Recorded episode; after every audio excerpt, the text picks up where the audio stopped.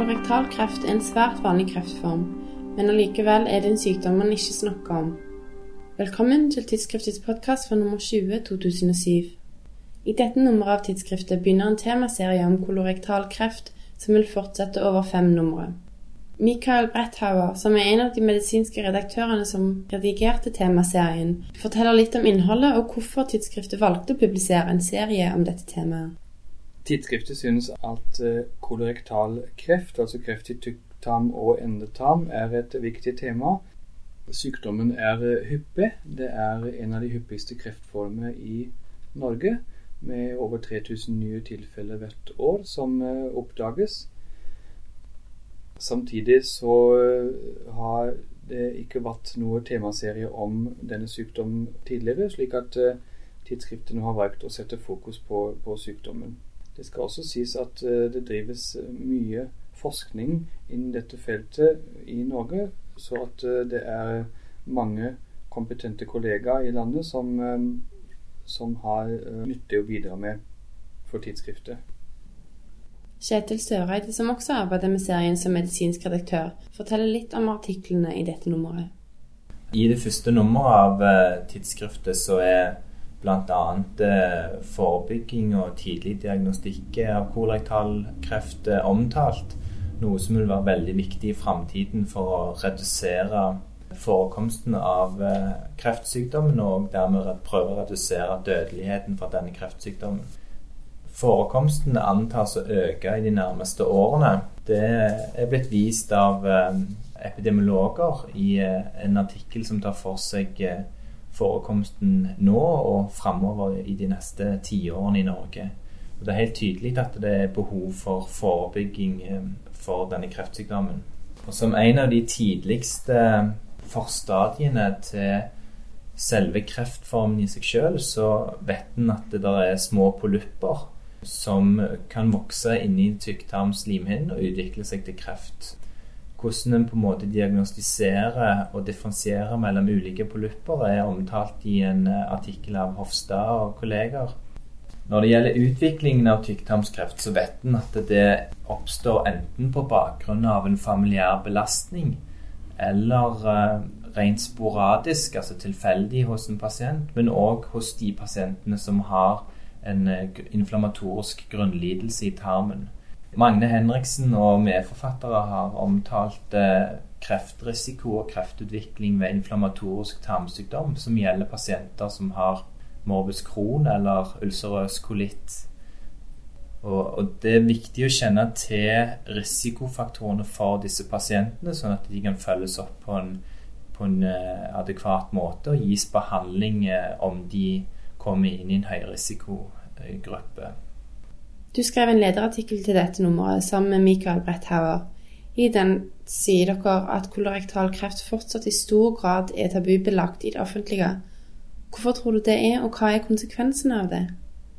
Ja, Tykktarmskreft og tykktarmsproblematikk generelt sett er gjerne ikke like sosialt akseptabelt å snakke om som andre sykdomsgrupper uten forkleinelse eller klander for um, andre pasientorganisasjoner og sykdomsorganisasjoner, så er det klart at eksempelvis uh, hjertesykdom, hjerteinfarkt, uh, lungesykdom, lungesyke og andre sykdomsgrupper har både egne faggrupper, interesseorganisasjoner, pasientorganisasjoner som ivaretar sine pasienter og sine interesseområder på en helt annen måte enn det som en finner er representativt for, for tykktarmslidelser og tykktarmskreft.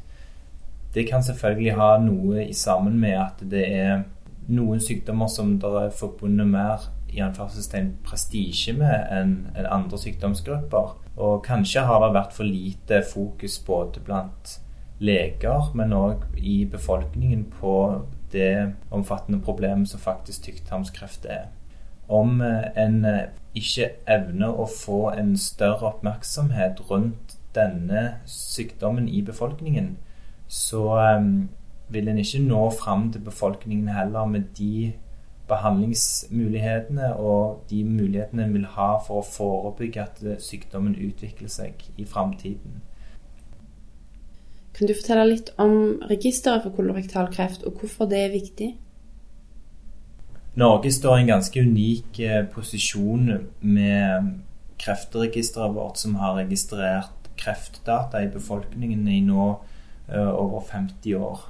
Det nye kolorektalkancerregisteret er en eh, videreutvikling av dette, hvor en får muligheter til å samle inn data på større detaljnivå for hver pasient og for, hver, for hvert sykehus.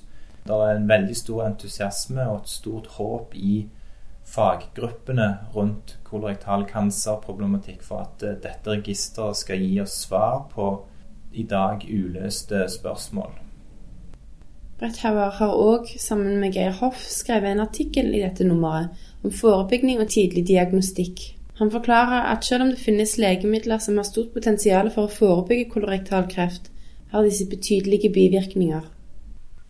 Vi mener at risikoen ved å bruke disse legemidlene er større enn nytten for den generelle befolkningen, altså for personer som har middels risiko for å utvikle sykdommen. Man skal huske på at livstidsrisikoen for å få kolorektalkreft for en gjennomsnittsnordmann er ca. 6% Dvs. Si at 94 av nordmenn aldri vil få sykdommen. Derfor bør medikamenter som man eventuelt setter inn mot sykdommen, være veldig trygge på bivirkningssiden for å kunne rettferdiggjøre det. Slike medikamenter har vi ikke i dag. Kan du fortelle litt om de forskjellige typer av screening som dere nevner i artikkelen? Det finnes flere modaliteter for screening for kolorektalkreft. Det som er um, mest utprøvd vitenskapelig, er uh, påvisning av uh, blod i avføring, den såkalte FOBT-metoden. Hvis man repeterer denne testen hvert år, eller annethvert år, er det vist i randomiserte studier at det kan senke eh, mortaliteten av kollektalkreft med ca. 20% I tillegg finnes det andre metoder, først og fremst endoskopiske metoder, altså tarmkikkertundersøkelse, både som sigmoidoskopi, altså undersøkelse av den nederste delen av tykktarm, og koloskopi, som er undersøkelse av hele tykktarmen. Disse metodene har potensielt større effekt, og også potensielt effekt på å redusere forekomst, og ikke bare dødelighet av sykdommen.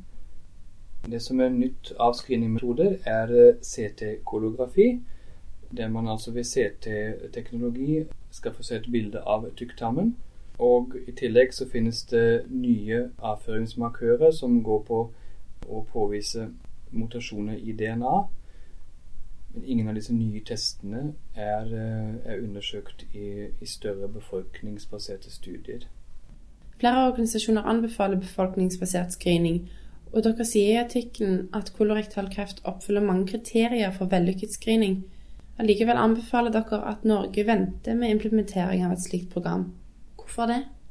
Det er riktig som du sier at det er flere store organisasjoner som anbefaler screening, og det finnes store nasjonale screeningtiltak i flere vesteuropeiske land. Sykdommen i seg selv er særdeles velegnet for screening fordi at den oppfyller så å si alle kriterier av WHO som, som man definerer uh, for sykdommer som kan egne seg for screening. Når vi i Norge allikevel mener at vi um, ikke vil innføre screening, så er det fordi at vi bør først ha vitenskapelig bevis for at de screeningmetoder som vi mener vil være best å anvende i Norge, har effekt. Som nevnt tidligere så er den eneste metoden som hittil er testet i randomiserte studier, den eh, FOBT-testen, altså okkult blod i avføring.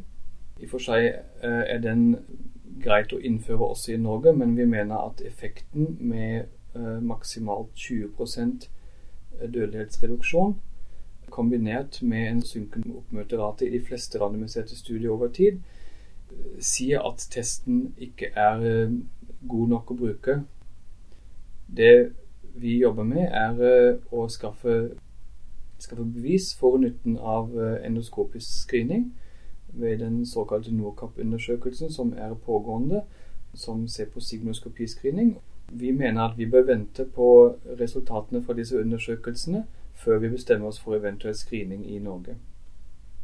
Du kan lese mer om dette i siste nummer av tidsskriftet. Takk for at du hørte på Tidsskriftets podkast.